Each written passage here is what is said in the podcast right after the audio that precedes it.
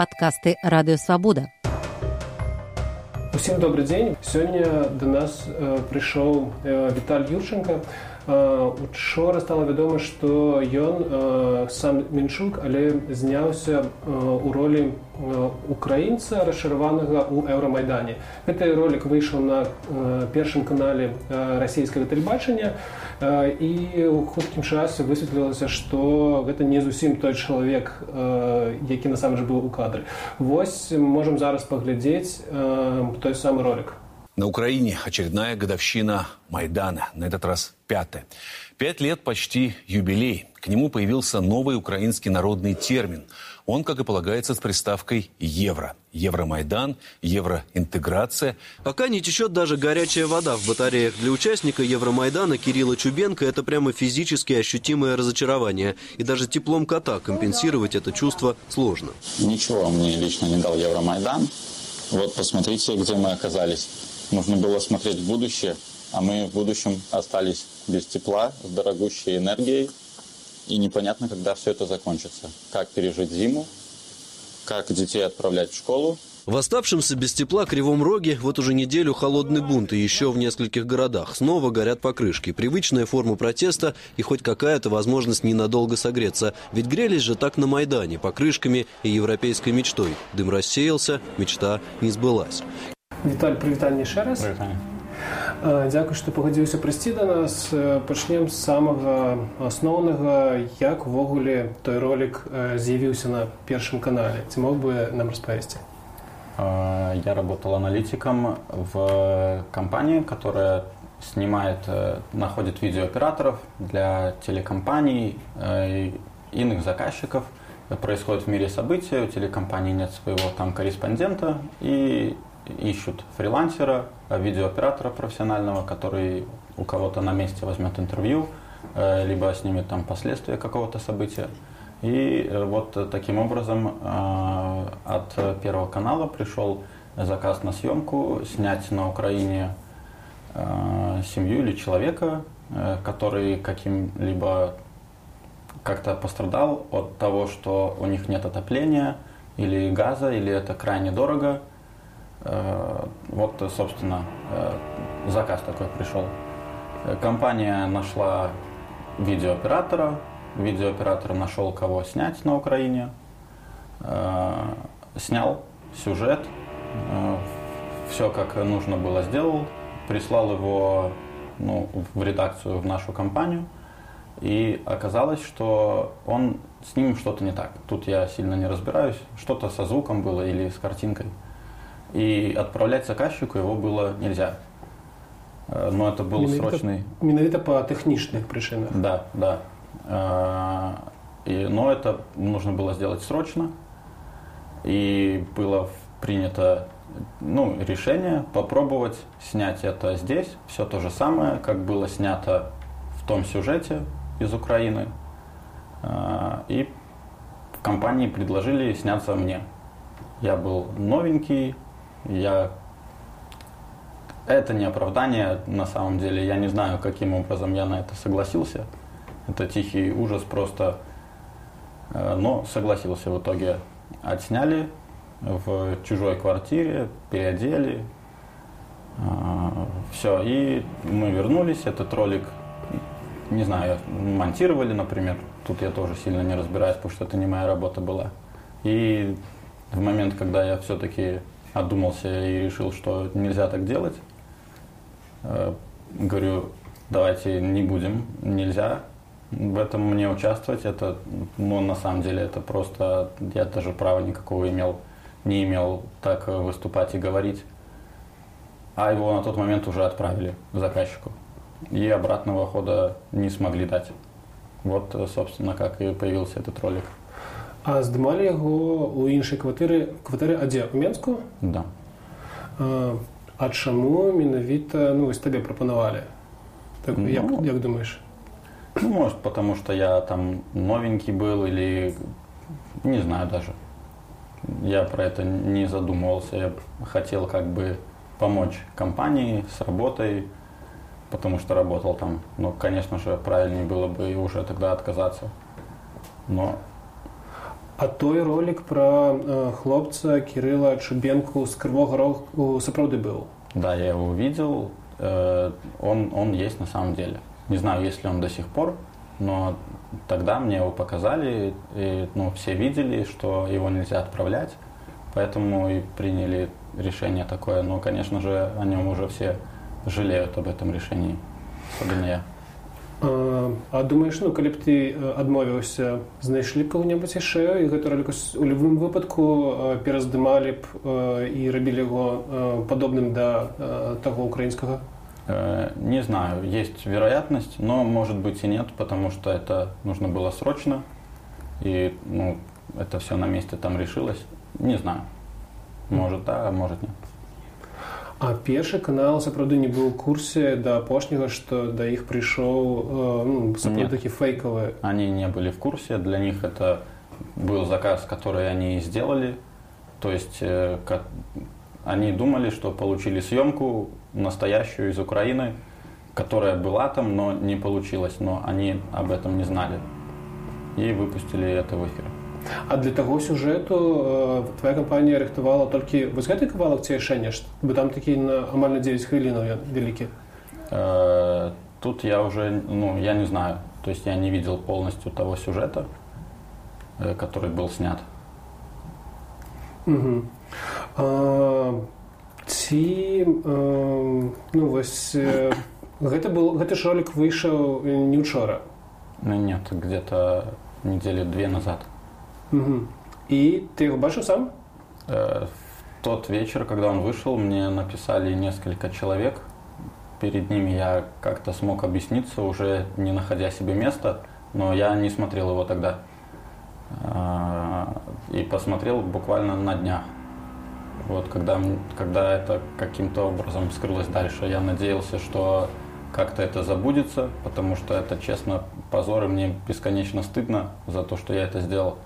Но, к сожалению, может и к счастью, это скрылось. Ну, я теперь, может, могу объясниться как-то. А, ну, первая реакция была, когда э, ролик вышел два тыдня тому, что писали тебе?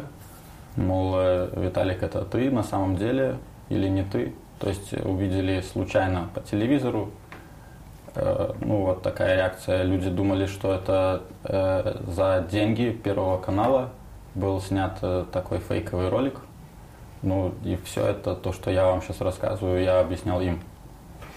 А, а сапраўды ну, да боку все як бы таксама у всякіх пытаюцца про тое что там колькі каштаваў гэты фейк беларусі там ну колькі табе заплацілі умоўна не, ну, не умоўна сапраўды колькі табе заплацілі за здымкі гэтых роликов вообще ничего не заплатили абсолютно ничего то есть э, просто это было как помочь исправить э, форс-мажорную ситуацию Э, об этом даже ну, никакой речи не шла. Угу. А, ну, ты спрабаваў кіраўніцтва запомнить, каб яго не адсылалі адразу ці ўжо пасля после того как его сняли когда я чуть-чуть как-то отошел переволновался или одумался э, но уже было поздно угу. пытанне таксама ну, ці вядома пра іншыя такія пастановачныя ролики якія магчыма здымаліся у гэтай кампаніі и снимались ли еще такие э, нет я там я четыре месяца там проработал я может не знаю прям всего но о таких случаях я не в курсе потому что как бы все съемки плюс-минус о них известно как-то хоть поверхностно все снимается абсолютно по-настоящему и вы видите случилась такая. То есть, если не находят сюжет человека или персонажа, его просто не снимают. И видите, как-то так случилось, что решили пойти на такой шаг, и вот какие последствия, тихий ужас. Угу. А, а гэта кампанія з Беларусі ты ну, да. Менску працаваў да. угу. але ты не можаш назваць э, Компанию нет, не буду называть. Угу. А кому ну, мог бы просто потлумачить, как бы... Чему? Чему так? Ну, наверное, нет. Ну, как бы... Э, ну, ты там, там еще працуешь до этого? Не, уже э, две недели, наверное, там не работаю, но это мой, мой уход оттуда, и эта съемка не связана между собой. Угу. Вось. І ти там займаўся э, ну, делал для них ну, программу IT-анализ. Ну то бок да гэтага роліку ніколі э, і пасля таго роліку ну вось таких у творчых нейкіх працэсах э... нет я в съемках там вообще никаких участий не принимал то есть никто не принимает участие поступает заказ ищут исполнителя он скидывает материал и материал отправляют заказчику угу. я в этих процессах не участвовал а, ты сам вырашыў звярнуцца да журналістаў чаму ну, потому что я, конечно же, надеялся, что это забудется и никогда не всплывет, этот стыд и позор. Но вот э, начало все это происходить, и после публикации российского блогера мне начали писать с угрозами в социальных сетях. И, конечно же, все это вернулось. Ну, надо было как-то исправлять ситуацию, если ее еще можно исправить, конечно. Не знаю. Угу. А, ну, а яким чынам у сэнсе выправіць э, ситуацию? Что ты имеешь на увазе? Я даже не знаю. Оправданий мне каких-либо нет. Можно ли за это просить прощения? То я бесконечно прошу прощения у всех, кто это видел, потому что не имел я никаких прав об этом говорить и сниматься в этом ролике. Но почему-то не нашел в себе сил тогда сказать нет. Вот, вот так вот. А, ці як ну, ты думаеш ну, вось на рэпутацыю гэта моцна паўплывае на маю і на твою на і ну, бы что вы конечно да кажется уже вернуть на место это не получится а репутацию компании ну это они уже сами будут решать это их отношения с заказчиком в них я тоже не лезу А, ты по-моему казаў что ну, пасля таго як справа выявілася ты сам ты себе стал адчуваць нават лепш чым да таго можешь? И не скажу еще что я себя чувствую лучше. Точно так же плохо но по крайней мере я может теперь имею возможность рассказать что это за это мне никто не платил денег и это была форс-мажорная ситуация. Но в любом случае кроме себя я никого не виню, потому что сам мог от этого и отказаться, но не сделал этого. Угу. А почему я, я не могу себе сам ответить на этот вопрос. А якое ўвогуле тебе стаўленне ну вось да тых падзеяў ну вось якія э, про якія ішла гаворка ў гэтым ролику ну я как э, предпочитаю тут не высказываться потому что это уже какая-то информационная война что ли и кто говорит правду и неправду уже трудно понять. И э, очень стыдно и жаль, что я еще и сам э, стал частью этого всего действия. Угу. Ну, нам ты просто ў каментарах пішаш, што маўляў ну, гэта, э, ці сапраўды э, гэта э, ну, вось раскаянне не можа быць таксама фейку, маўляў, для расійскага тэлебачання было б вельмі зручна что знайшлі ну вось такую зачэпку mm -hmm. і пасля самі сказалі што прабачце хлопцы ну такога насамрэч не было гэта вось стрынгеры з беларусі зрабілі для іх такі ролик ну первый канал ведь сам не был в курсе до нет вот до пары дней назад и они тоже наверное очень удивлены потому что для них это был обычный рабочий процесс так работают большинство телекомпаний Э, поэтому, конечно, наверное, у них реакция абсолютно негативная, но это они будут, они это уже с компанией сами будут решать. Угу. А, як ну вось сёння ты актыўна з журналістамі сустракаешься ну вось як бы ты бачыў працяг ці заканчэнне гэтай гісторыі я не знаю э, это получилось каким-то очень большим э, скандалом и, если хоть как-то можно исправить эту ситуацию, я приложу для этого все усилия, если это возможно. Угу. Потому что я очень виноватым себя чувствую и чувствовал, но, конечно же, хотелось, чтобы это никогда не всплыло и не вспомнилось. Но вот раз, раз уже так случилось, то, конечно же, надо как-то объяснить свои действия. А была нейкая рэакцыя з першага каналу на тое што вось гэты э, ускрыўся э, на гэты фейк? Да. они вышли со мной на связь попросили прокомментировать и я им я им уже сегодня дал интервью. Э, должны показать вечером в новостях.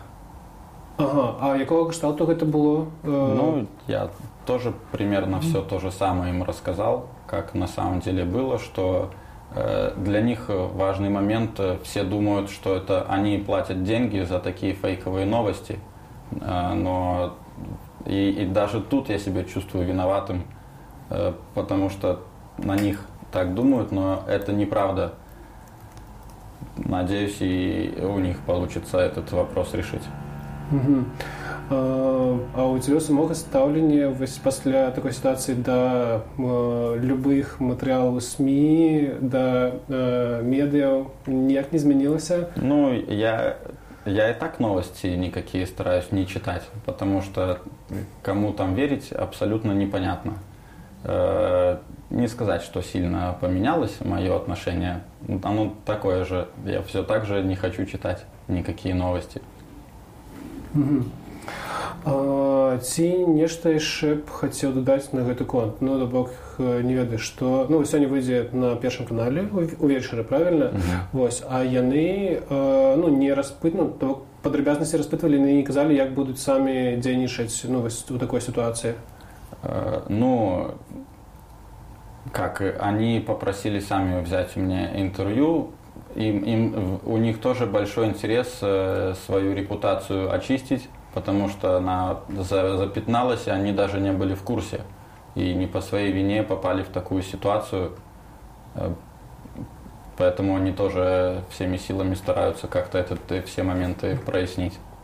Угу. А, яшчэ прыгадаў пытанне ну, вось у сацыяльных сетках ты як бы зрабіў свой профіль прыватным да, і выдалі ўсю інфармацыю ну начали мне вчера очень много людей писать с нехорошими словами и с угрозами, и отвечать им мне нечего, потому что, потому что по делу мне пишут на самом деле. И э, да, я закрыл свои профили, хотя, наверное, в этом не было особо никакого смысла, но э, скоро открою обратно. Угу. Um... Ну, только у ВКонтакте пробирал свое. В, э, в Фейсбуке мне тоже писали много сообщений, но потом я понял, что это нет смысла прятаться или убегать, уже все знают, и ну, это как-то тоже было бы неправильно. Угу. Ці ну, напэўна будзем завяршаць э, трансляцыю э, ці яшчэ нешта хацеў бы дадаць на гэты конт э, сам уже ад цябе очень не стыдно. Хочу попросить прощения у всех, кто это видел. Пожалуйста, я, это чудовищная ошибка была. Надеюсь, э, я в таких ситуациях больше не окажусь, и работодатель мой э, тоже из этого какой-то урок э, выучит. Что это случилась одна такая ситуация, и понадеялись непонятно на что. И вот как все всплыло, очень. Я чувствую, что во всем виноват только я. И, наверное, так и есть. Бесконечно стыдно. Не знаю, очень трудно. Дзякуй вялікі Віталь за тое, што прыйшоў да нас рэдакцыю. Нагадаю, гэта была напроставая трансляцыя і інтэрв'ю з Віталем Юрчынкам. Гэта беларус, які учора, як стала вядома, трапіў у сюжэт першага каналу пра еўрамайдан ва ўкраіне і натуральным чынам сыграў ролю украінцаў з крывога року рогу, якія расчарваныя у еўрамайдане. Пасля ён сам выйшаў на сувязь журналістамі і патлумачыў, што гэты ролик быў вымушана зроблены праз тэхнічны брак таго украінскага роліку. Ролик сапраўды існаваў украінскі, але яго не змаглі пераслаць на першы канал праз праблемы тэхнічныя праблемы ў ім. Дзякуй вялікі, што былі з намі на сувязі, заставайце на свабодзе. Вы слухали падкаст Радыё Свабода. Наступны выпуск праз тыдзень. Усе падкасты свабоды ў інтэрнэце на адрасе свабода.орг. Штодня у любы час у любым месцы, калі зручна вам. свабода.орг. Ваша свабода.